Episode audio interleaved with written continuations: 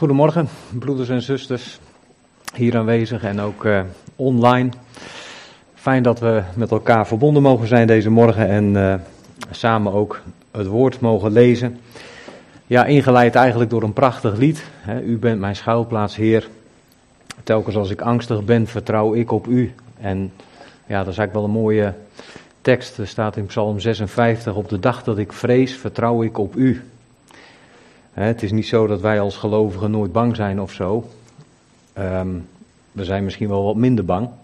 Dat mag en dat kan, omdat we weten dat we onze zekerheid hebben in de Heer Jezus Christus.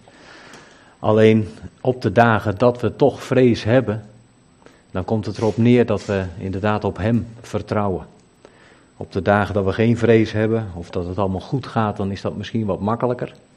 Maar juist ten dagen dat ik vrees. Um, ja, u hebt net in het kindermoment gehoord dat uh, ik het over de Bijbel ga hebben. Nou, ik was wel blij, want ik was even bang wat voor onderwerp komt eruit. Waar moet ik het vanmorgen over hebben? Maar het is mooi, uh, mooi ruim zo. Ik wilde met u een gedeelte lezen uit uh, de profeet Jeremia. En daar dan van het vijftiende hoofdstuk, Jeremia hoofdstuk 15. En um, daar gaat het ook inderdaad over het woord. En ook wat voor plaats dat heeft in uh, het leven van Jeremia. En wij, ja, wij kunnen daar natuurlijk ook weer het een en ander van leren. Dus ik stel voor dat we beginnen met lezen van Jeremia 15. En we gaan zo meteen ook nog wel wat meer gedeelten uit dit boek lezen. Jeremia 15 en dan beginnen we bij vers 10. En dan lezen we door tot en met vers uh, 21.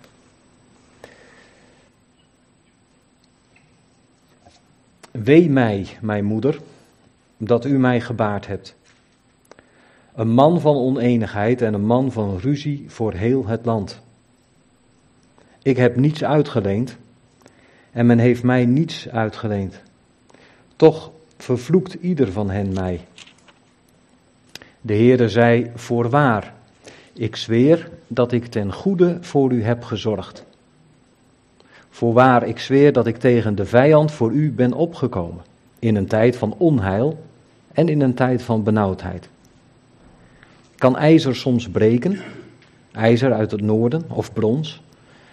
Uw vermogen en uw schatten zal ik als buit geven, zonder prijs, vanwege al uw zonden en in heel uw gebied. Ik zal u met uw vijanden overbrengen naar een land dat u niet kent want een vuur is aangestoken in mijn toren. Het zal tegen u branden. U, Heere, u kent mijn onschuld. Denk aan mij en zie naar mij om.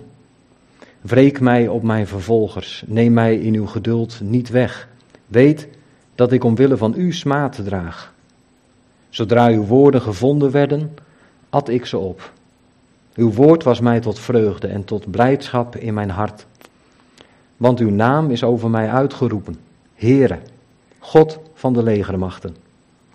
Ik heb niet gezeten in een kring van spotters, of sprong daarop van vreugde. Vanwege uw hand zat ik alleen, want u hebt mij met gramschap vervuld. Waarom is mijn lijden er voor altijd? En is mijn wond ongeneeslijk? Weigert hij te genezen?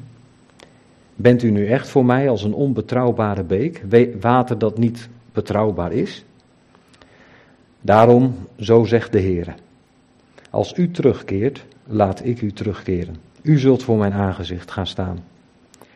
Als u wat kostbaar is afscheidt van wat waardeloos is, zult u als mijn mond zijn. Laten zij terugkeren naar u, maar u mag niet terugkeren naar hen.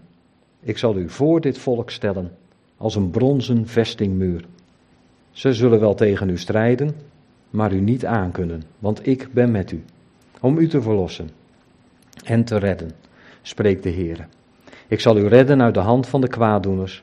Ik zal u verlossen uit de greep van de geweldplegers.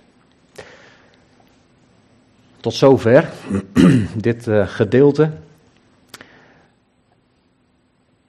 Je merkt wel dat als je dit zo leest, hè, dat je ja, te maken hebt met verschillende ja, gezichtspunten.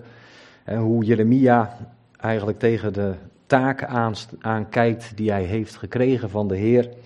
Hoe hij het daar zelf moeilijk heeft, mee heeft, hoe het gaat met zijn volk, waar hij deel van uitmaakt. Ja, en ook hoe hij tegenstand eigenlijk ervaart van datzelfde volk. Ehm, en dan staat daar zo tussenin, en dat is ook wel een beetje het vers waar we ja, ons toch ook vooral op willen richten deze ochtend. En dat is dat zestiende vers, dat Jeremia zegt, zodra uw woorden gevonden werden, at ik ze op. Uw woord was mij tot vreugde en tot blijdschap in mijn hart. Want uw naam is over mij uitgeroepen, Heere, God van de legermachten. En dat beginstukje van dat vers, dat mag je ook lezen als volgt. Uw woorden werden gevonden en ik at ze op. En uh, ja, dat is een, een, eigenlijk een verwijzing van Jeremia naar het woord, de woorden. En um, ja, dat hij daar deel aan heeft en dat die woorden hem tot vreugde zijn. En dat kwam net ook in de voordienst al even naar voren. Hè, dat dat uiteindelijk toch wel het belangrijkste is. Dat op de momenten waarop je het kwaad hebt, hè, waarop het moeilijk is, dat je juist op die momenten ja, weet dat je kunt vertrouwen op het woord. Dat je ook gaat lezen in het woord en dat je daarmee bezig bent. Um, als er iemand was die in ieder geval kon meepraten over moeite en zorg in het leven, dan was dat Jeremia wel. Het is natuurlijk een voorrecht, tenminste dat lijkt mij wel, dat het een voorrecht is als je behoort tot degenen die een deel hebben, een aandeel hebben in het schrijven van het woord van God. En Jeremia heeft daar een aandeel in, best een groot Bijbelboek. Hij heeft ook nog de klaagliederen geschreven. Maar daarmee, laat je ook wel, of daarmee wordt ook wel meteen al duidelijk dat die hele ja, bediening die Jeremia had als profeet, dat dat blijkbaar niet zo gemakkelijke bediening was, als hij ook nog een heel boek met klaagliederen schrijft. Um, wij kennen ook uh, het werkwoordje Jeremiaden of Jeremiëren. Dat is een klaagzang, dat je altijd maar loopt te klagen. Wat loop je toch te Jeremiëren? Um, ja, is misschien een beetje, eh, dat verdwijnt misschien een beetje uit het zicht, dat soort bijbels verbonden woorden. maar uh, zoek het maar op, het staat nog wel steeds in de vandalen. Um, Jeremiëren, klaagliederen. Jeremia wordt over het algemeen ook wel de wenende profeet genoemd. Nou, dat voorspelt ook niet veel goeds. En als je dan ja, ook in zijn boeken kijkt, of in zijn boek kijkt, dan merk je dat hij weent over zijn volk, en dat hij weent ook persoonlijk over zijn strijd. Het is uh, wat dat betreft die man niet mee, het heeft die man niet meegezeten zeg maar in het leven. En uh, ja, dat moeten we wat dat betreft ook niet onderschatten. Ik wil even een paar versen lezen uit wat andere hoofdstukken van dit uh, Bijbelboek. Eventjes naar Jeremia 38. Daar word je bepaald bij de persoonlijke strijd die Jeremia had. En daar staat ook al boven Jeremia in een kuil geworpen.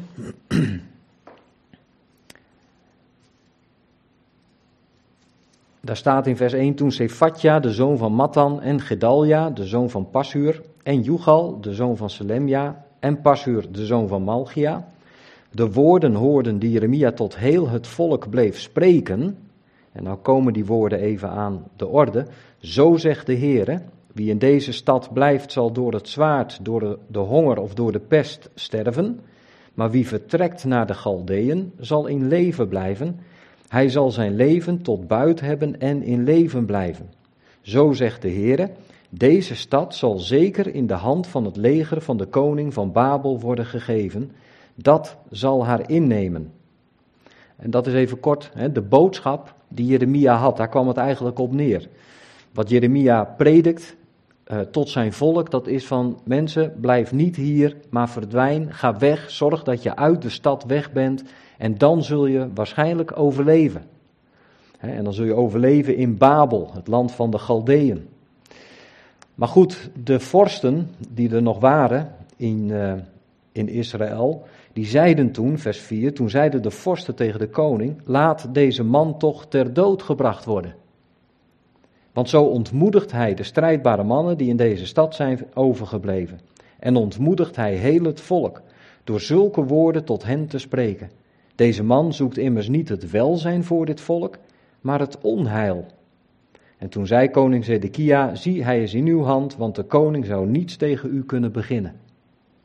En ze namen Jeremia mee, wierpen hem in de put van Malkia, de zoon van de koning, die op het binnenplein van de wacht was. En zij lieten Jeremia met touwen neer. Nu was er geen water in de put, maar wel slijk, en in dat slijk zakte Jeremia weg. Dus hij brengt een boodschap. Hij zegt het ook nog steeds erbij, zo zegt de Heer. dus dat moet toch wel enigszins bekend voorgekomen zijn bij zijn toehoorders. Alleen die mensen die, die zitten op een andere boodschap te wachten. Een boodschap waarin Jeremia in hun ogen juist zou zeggen dat het volk in het land kon blijven en dergelijke. Nou, die boodschap mag Jeremia niet brengen. Jeremia moet verkondigen wat de Heer hem op zijn hart heeft gelegd. En dat doet hij ook. En het gevolg is in dit geval dat hij uh, in een put geworpen wordt en in het slijk wegzakt. Um, en uiteindelijk blijft hij daar ook een hele tijd gevangen. Het hoofdstuk eindigt met vers 28 met de woorden: Jeremia verbleef op het binnenplein van de wacht tot de dag dat Jeruzalem werd ingenomen. Hij was er nog toen Jeruzalem werd ingenomen. Nou, als je even denkt, nadenkt over het moment hè, waarop Jeremia zijn prediking had, zijn bediening had. Jeremia is in totaal 41 jaar lang uh, profeet geweest van de Heer. Zonder lintje, denk ik uiteindelijk.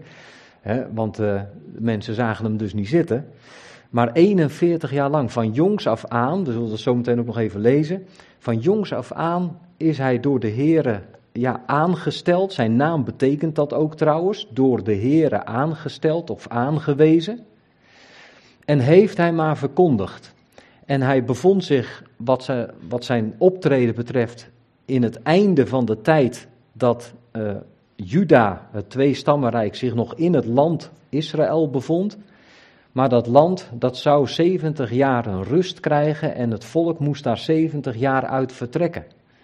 En Jeremia heeft meegemaakt hoe groepen uit zijn volk werden weggevoerd door de koning van Babel. En, uh, en Jeremia bleef maar achter en uiteindelijk werd Jeruzalem verwoest en zat hij op de puinhopen van Jeruzalem en daar schreef hij de klaagliederen over die stad. Um, ja, het is eigenlijk één grote ellendige boodschap die Jeremia moest brengen.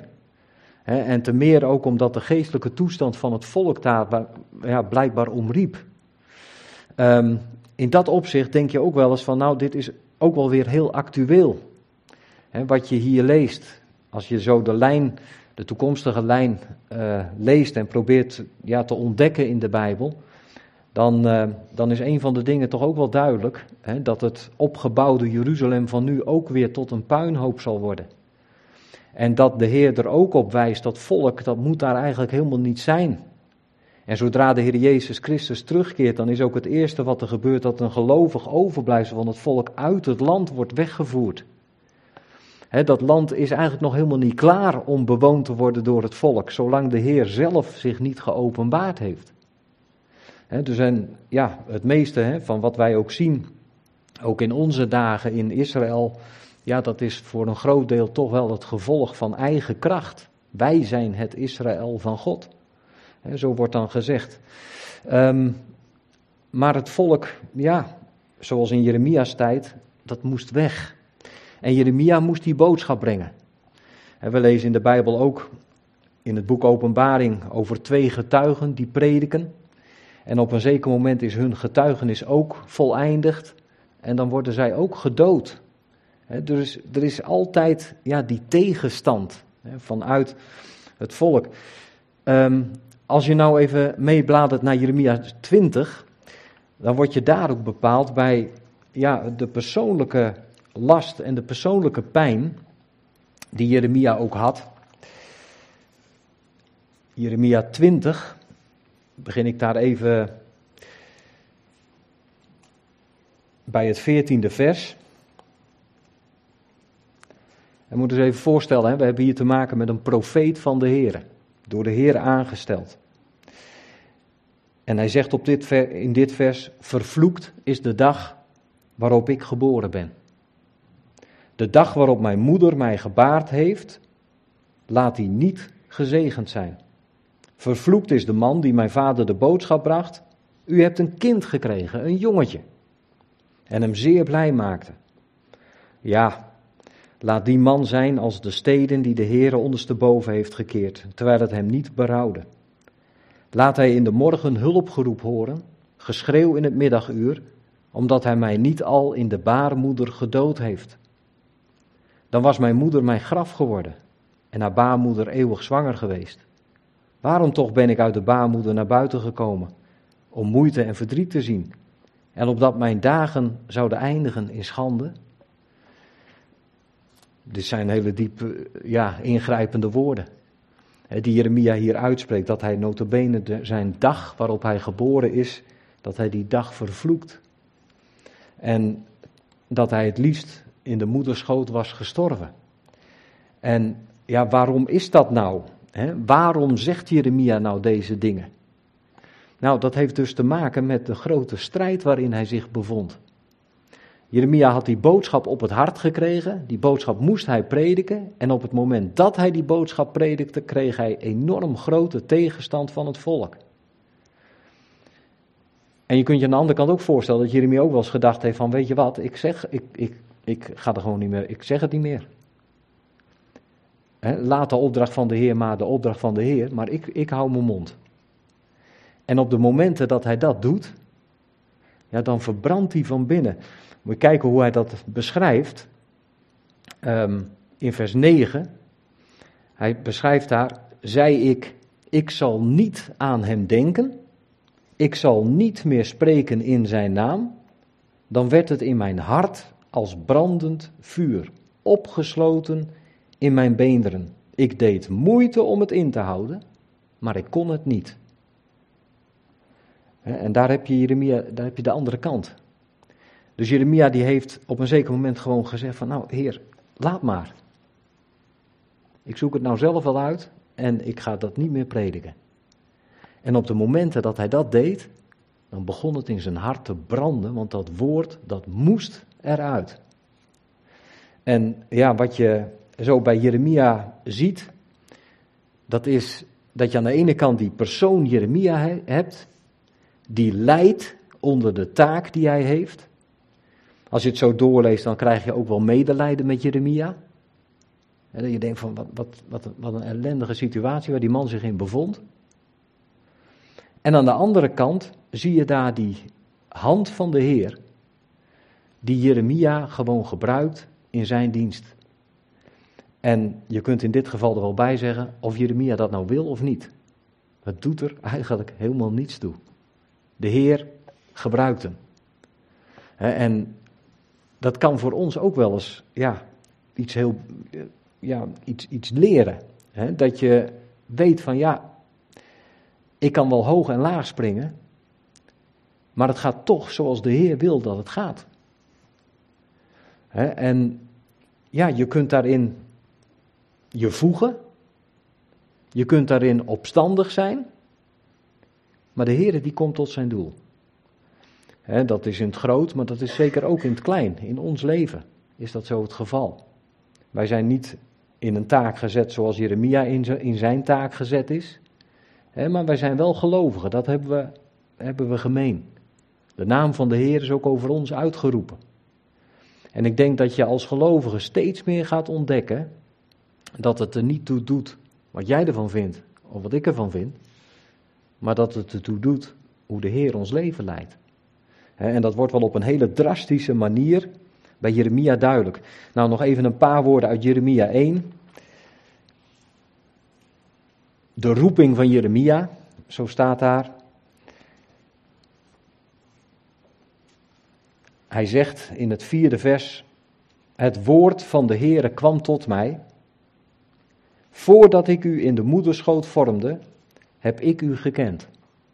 Voordat u uit de baarmoeder naar buiten kwam, heb ik u geheiligd. Ik heb u aangesteld tot een profeet voor de volken. Toen zei ik, ach, heren, heren, zie, ik kan niet spreken, want ik ben nog maar een jongen. Maar de Heer zei tegen mij, zeg niet, ik ben nog maar een jongen, want overal waarheen ik u zenden zal, zult u gaan. En alles wat ik u gebieden zal, zult u spreken. Wees niet bevreesd voor hen, want ik ben met u om u te redden. Nou, dat hele leven van Jeremia, dat lag al vast. Zelfs voordat hij in de moederschoot werd gevormd. Waarvan Jeremia later zegt, was ik maar in die moederschoot gestorven. Was dat maar mijn graf geworden. Nee, daarvoor al heeft de Heere hem gekend. En, en heeft de Heere hem geheiligd. Dat wil zeggen, zeggen apart gezet voor de taak die God voor hem had. En zo moest Jeremia dus wel gaan. Nou, nog weer even terug naar Jeremia 15. Want dan heb je daar dat, dat prachtige vers. Dat zestiende vers waarin Jeremia zegt: Uw woorden werden gevonden en ik had ze op. Uw woord was mij tot vreugde en tot blijdschap in mijn hart, want uw naam is over mij uitgeroepen, Heere, God van de legermachten. Ik zou haast zeggen, hier heeft Jeremia even zo'n moment dat hij helemaal zich kon conformeren met de wil van de Heer. En dat hij zich verblijde in het woord.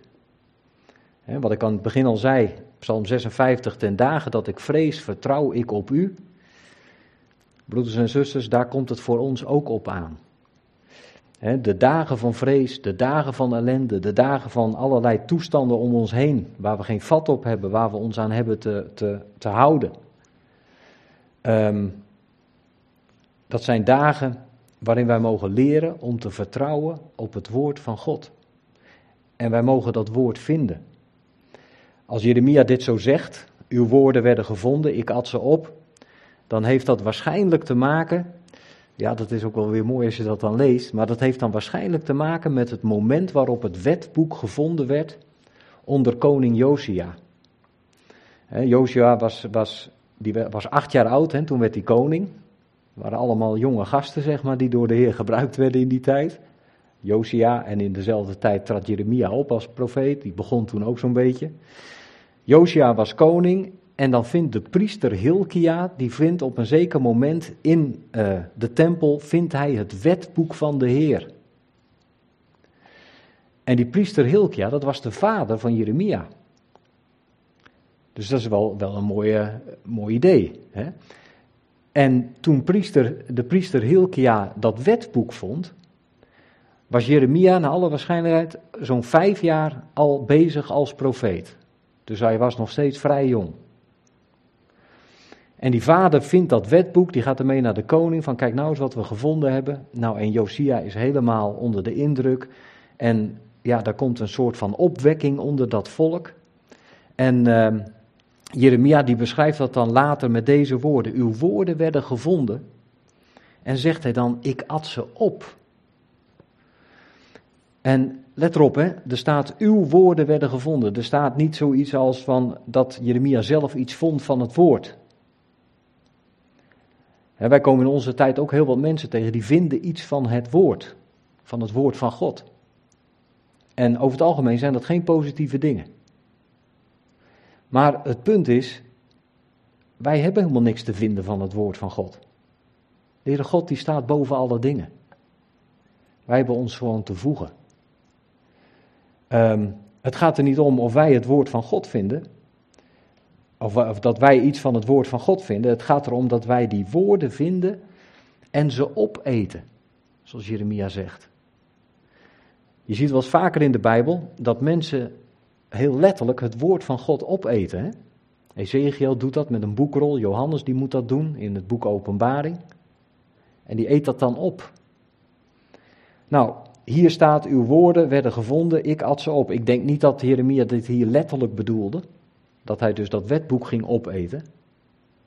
Daar was het hem waarschijnlijk ook veel te heilig voor. Maar dat opeten, dat heeft wel te maken met dat hij het in zich opnam. Kijk, als wij in het normale leven eten, hè, dan, dan, uh, ja, dan, dan is het ook zaak dat je wel een beetje bewust bent van wat je eet natuurlijk. Maar als je eet, dan wordt dat één met je lichaam. Hè, ik heb wel eens gelezen dat, uh, dat ging dan over sporters, hoe snel uh, voeding ja, weer het spierherstel bewerkt. Dat dat binnen, binnen een minuut is, het, is de voeding die je neemt, die zit alweer in de spieren en die doet daar alweer zijn werk. Weet je, je neemt het op. En dat geldt ook voor ja, het geestelijke woord, hè, of het woord van God. Wij mogen dat woord opeten. En dat zorgt er dan voor dat het één wordt met onze geestelijke mens en dat wij daardoor groeien. En groeien ja, in de kennis, in het kennen van de Heer. Wat ook wel belangrijk is om te weten, is dat je wel ja, dat woord moet vertrouwen. ik weet niet of u daar uh, elke keer dat u iets eet of nuttigt erbij nadenkt. Maar in feite, alles wat je eet, dat gaat op een gegeven moment deel uitmaken van je eigen lichaam. En realiseer je wel dat je dat eigenlijk altijd vertrouwt? je vertrouwt toch eigenlijk altijd wat je eet? Dat is wel een beetje raar eigenlijk. Want zo denken we er nooit over na. we eten gewoon, want dat vinden we lekker. En je wordt er vol van en zo. En dan, nou, dan kun je weer een paar uur vooruit en dan gaat, gaat de volgende keer. Maar ondertussen vertrouwen we wel wat we eten. Als wij wisten van, joh, dat eten is niet te vertrouwen. Het is over de houdbaarheidsdatum of noem maar wat op. Dan hoeven we het al niet meer. dus je vertrouwt het. En dat geldt ja, voor het woord van God ook. wij kunnen dat woord van God vertrouwen, omdat het ja, simpelweg het woord van God is. En God is de Heere, degene die in alles de waarheid is en dus te vertrouwen is. En dat woord, dat mogen wij vinden. Juist ook op de momenten dat het moeilijk is, dat het slecht gaat, um, dat we eigenlijk geen uitzicht meer hebben. Juist dan mogen wij dat woord tot ons nemen. We kunnen het vertrouwen, want het is afkomstig van God. Heer, u zegt het in uw woord, dus het is zo. En wij mogen het opeten, we mogen het ons helemaal eigen maken. En dan zegt Jeremia erbij, uw woord was mij tot vreugde en tot blijdschap in mijn hart. En waarom? Nou, omdat uw naam over mij uitgeroepen is, zegt hij. Heere, God van de legermachten. Dat is in dit geval dan die naam. De naam van de Heere, die is ook over ons uitgeroepen. We hebben net het liedje gehoord van eh, Jezus, wat een heerlijke naam. Nou, in de Heer Jezus Christus heeft God zijn naam over ons uitgeroepen. En Jezus betekent de Heere is redding. Dus je hebt, je hebt deel gekregen aan de redding door de Heer Jezus Christus. En wij mogen vanaf dat moment mogen wij vertrouwen op dat woord, mogen we dat woord lezen, mogen we het woord opeten. En dat woord, ja, dat mag groeien in onze harten en het mag ja, tot stand brengen wat God welgevallig is. Ik wil ook nog eventjes naar het Nieuwe Testament, naar de apostel Paulus. Um, je zou het misschien zo in eerste instantie niet zeggen, maar er zijn best wel wat overeenkomsten tussen Paulus en Jeremia. beide zijn uh, in de dienst van God gesteld. Ik wil even naar, Colossense, naar de brief aan de Colossense. Um, beide zijn in de dienst van God gesteld. Paulus was net als Jeremia een een, een instrument van de uitverkiezing, een uitverkoren instrument in de handen van God. En Paulus die schrijft op een gegeven moment ook, hij doet dat in de Romeinenbrief, dat God hem al vanaf de moederschoot had afgezonderd en apart gezet om uiteindelijk zijn zoon in hem te openbaren. Ook zo'n wonderlijke gang van zaken. dat, uh, dat deze Paulus, ja, we kennen hem natuurlijk aanvankelijk als Saulus, dat die man al vanaf ja, kindsbeen aan door de Heer apart gezet was, geheiligd was. Terwijl diezelfde persoon nog de meest gruwelijke dingen doet ten opzichte van gelovigen. En uiteindelijk zelfs, ja, als Stefanus gedood wordt door steniging, dan staat Saulus erbij en hij vindt het goed ook. Hij, hij geeft er zijn toestemming aan. En toch was die man ondertussen al door de Heer afgezonderd. En dan komt dat ene moment dat de Heer zijn zoon in hem wil openbaren. En dan, ja, weet je, dan is er voor, en dat is wel een verschil met Jeremia, dan is er voor Paulus inmiddels, is er dan ja, geen enkele twijfel meer over. Alles wat u doet in mijn leven, dat is goed. Dat was de houding van Paulus. Je ziet eigenlijk bij hem geen tegenstand, geen vragen in de richting van God. Waarom moet ik nou dit allemaal verkondigen? Paulus heeft ook een hoop ellende meegemaakt. Is net als Jeremia ook uh, een groot deel van zijn leven gevangen geweest. Maar je hoort hem er niet over. Hij verblijde zich in de Here. nou, in Colossense, daar staat in het eerste hoofdstuk, um, in het 24ste vers, nu verblijd ik mij in mijn lijden voor u en vervul in mijn vlees wat overblijft van de verdrukkingen van Christus ten behoeve van zijn lichaam, dat is de gemeente. He, er zijn woorden die komen natuurlijk heel dicht bij ons, want hier gaat het ook over het lichaam van de Heer Jezus Christus. Maar wat dan zo opvalt, dat is dat Paulus zegt, ik verblijd mij in mijn lijden. Nou, dat zag je bij Jeremia niet altijd. Wel zo nu en dan. Vooral als er momenten waren dat hij het woord van God vond. Want dan at hij het op en dan was dat woord tot vreugde en blijdschap in zijn hart. Bij Paulus is er meer een, ja, een, een onderliggende basis van blijdschap aanwezig. En dat blijkt hier dus ook uit. Ik verblijd mij in mijn lijden voor u. En ik vul in mijn vlees wat overblijft van de verdrukkingen van Christus. In vers 29 zegt hij: Ik span mij in. En daarvoor span ik mij in, namelijk het verkondigen van de Heer Jezus Christus als de hoop van de heerlijkheid. Ik span mij daarvoor in en ik strijd. En in het tweede hoofdstuk, vers 1, zegt hij dan nog: Ik wil dat u weet hoe groot de strijd is die ik voor u voer. Nou, um, Paulus verblijdt zich in zijn lijden. En ik denk ook dat dat te maken heeft met wat hij ook eerder al geschreven heeft in de Romeinenbrief. Dat hij zegt van ja, ik ben ervan overtuigd dat het lijden van de tegenwoordige tijd niet opweegt tegen de heerlijkheid die over ons geopenbaard wordt. Kijk, en dat is natuurlijk toch de grote lijn um, die we mogen gaan als gelovigen. Dit leven hier deze tijd, de tegenwoordige tijd, die wordt gekenmerkt door lijden. Maar dat lijden, zegt Paulus, als je dat nou in een weegschaal, zo'n ouderwetse balans legt, weet je wel, dat lijden leg je in de ene schaal, dan weegt dat niet op hè, tegen de heerlijkheid die over ons geopenbaard wordt. Dus het is, dat lijden is uiteindelijk, hoe zwaar het voor ons ook is, is lichter dan het gewicht aan heerlijkheid dat over ons wordt geopenbaard. En dan hebben wij ook nog dat geweldige vooruitzicht dat als Christus zal verschijnen in heerlijkheid, wij met hem zullen verschijnen in heerlijkheid. En dat is waar we aan vast mogen houden. dat is de hoop. Ehm, dat woord van God, wij mogen dat vinden. En ik zou zeggen, je moet er maar niet te veel van vinden maar vind het nou maar gewoon. Gewoon zoals het er staat, zoals het is, zoals God zijn woord bekendgemaakt heeft. Geniet daar maar van.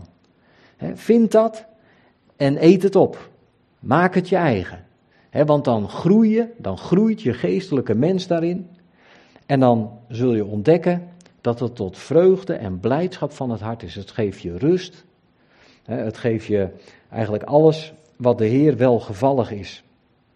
Paulus schrijft um, ook in dat eerste hoofdstuk, een klein beetje eerder, in vers 9, dan schrijft hij daarom houden ook wij niet op, vanaf de dag dat wij het gehoord hebben, en daarmee bedoelt hij de dag dat zij gehoord hebben dat de Colossensen tot geloof waren gekomen, de genade van God hadden leren kennen, voor u te bidden en te smeken dat u vervuld mag worden met de kennis van zijn wil, in alle wijsheid en geestelijk inzicht, zodat u wandelt op een wijze de Heere waardig, hem in alles behaagt, in alle goed werk vrucht draagt, groeit in de kennis van God, terwijl u met alle kracht bekrachtigd wordt, overeenkomstig de sterkte van zijn heerlijkheid, om met blijdschap in alles te volharden en geduld te oefenen.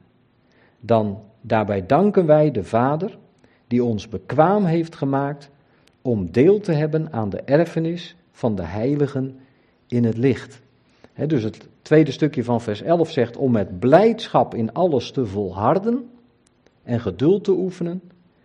En ondertussen zegt hij, danken wij de Vader die ons bekwaam heeft gemaakt voor de erfenis in het licht. De erfenis van de heiligen in het licht. Die erfenis, die komt eraan. daar zijn we bekwaam voor gemaakt, maar die komt eraan. En dat heeft alles te maken met het lijden dat stopt en de heerlijkheid die over ons geopenbaard gaat worden.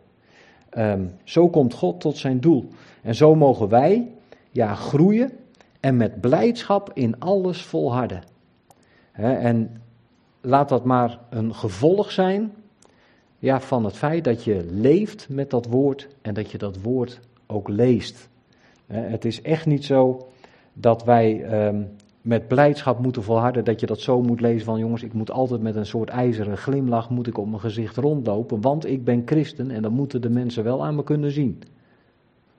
Daar, daar wordt zo doorheen geprikt. Dat, dat heeft helemaal geen waarde.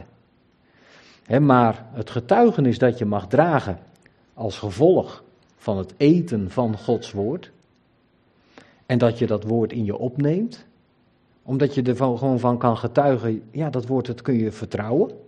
Dus je eet het op, je maakt het je eigen, je groeit daardoor. En um, de Heer die komt daarmee tot zijn doel. En de blijdschap die er dan is en de vreugde in je hart, dat is een oprechte blijdschap. Misschien niet altijd aan de buitenkant te zien, maar het is wel een blijdschap die er van binnen is en die bepalend is voor hoe wij handelen en hoe wij staan in het woord, uh, in, in het leven met het woord van God. als gelovigen, over wie Gods naam is uitgeroepen, ja, mogen wij ons verblijden. En die blijdschap, die vinden we uiteindelijk in het woord. Het levende woord, de Heer Jezus Christus. In de spreuken staat, wie verstandig omgaat met het woord, zal het goede vinden. En wie op de Heer vertrouwt, welzalig is hij. En zo is dat. Toen ik zo met uh, voorbereiding voor dit, uh, met dit gedeelte bezig was, kwam ik ook een tekst tegen in Spreuken 14. Daar staat, ook bij het lachen zal het hart pijn lijden. dat is een, een, een, ja, een gegeven. Hè? Mensen kunnen lol hebben, maar ze zijn niet blij, weet je wel. Ook bij het lachen kan een mens pijn lijden. Ik moest denken, dit is, bij Jeremia is dat precies andersom geweest. Je zou bij Jeremia kunnen zeggen, ook bij het lijden zal het hart lachen, zal het hart vreugde hebben. En dat is het. En dat is toch wel ja, die prachtige les die je leert van die Jeremia. Gesteld, aangesteld door de Heer, in de taak gesteld van profeet, in een ongelooflijk moeilijke tijd, maar hij heeft gepredikt, hij heeft stand gehouden, ondanks al zijn aanvechtingen. En hij heeft geleerd te vertrouwen op het woord van God, dat hij zelf mocht prediken. Tot zover, broeders en zusters.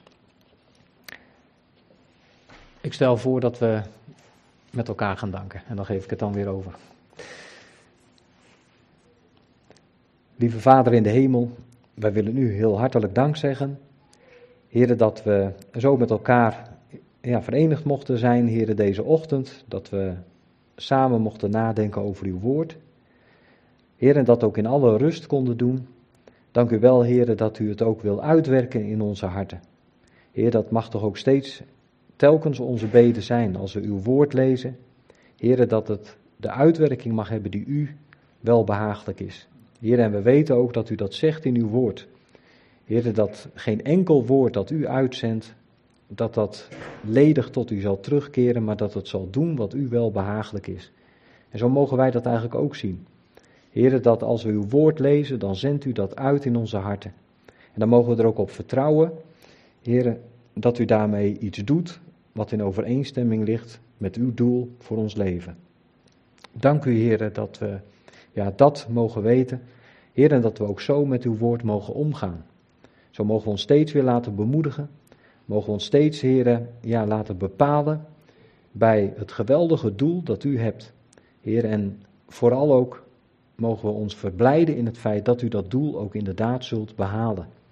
We weten, heren, vanuit uw woord dat ook uw tegenstander zijn plan heeft en ook zijn doel heeft, waarin hij zich uiteindelijk aan u, de Allerhoogste, wil gelijkstellen. Maar we danken u ook, heren, dat we mogen weten dat u de overwinnaar bent. En dat u, Heere, in de Heer Jezus Christus, de koning der koningen en Heere der heren, zult openbaren. En Vader, we willen u zo danken dat wij Hem mogen kennen als het hoofd van het lichaam. Heer, en dat we onlosmakelijk aan Hem verbonden zijn, in datzelfde lichaam. Deel hebben aan hetzelfde leven dat ook in Hem is. En ook deel hebben, Heer, aan diezelfde positie waarin Hij door u gesteld is. Dank u wel, Heer, dat we mogen weten dat we met Hem opgewekt zijn, dat we met Hem levend gemaakt zijn en ook, Heer, dat we met Hem gezet zijn boven in de hemelse gewesten. En daarom mogen wij zoeken wat boven is. Mogen we bedenken wat boven is. En mogen we weten dat ons leven met Christus verborgen is in U. Dank u wel, heren. Ja, wat een, een machtige waarheid ja, u over ons hebt geopenbaard. En we danken u, Heer, dat we daar steeds meer uit mogen leven. Dank u wel daarvoor. Zo willen we elkaar ook aan u opdragen, ook voor de komende tijd. Dank dat u bij ons bent, dat u ons bewaart en dat we in alles u mogen vertrouwen. En we doen dat, heren, niet uit verdiensten, maar wel vanuit de rijkdom van uw genade. Amen.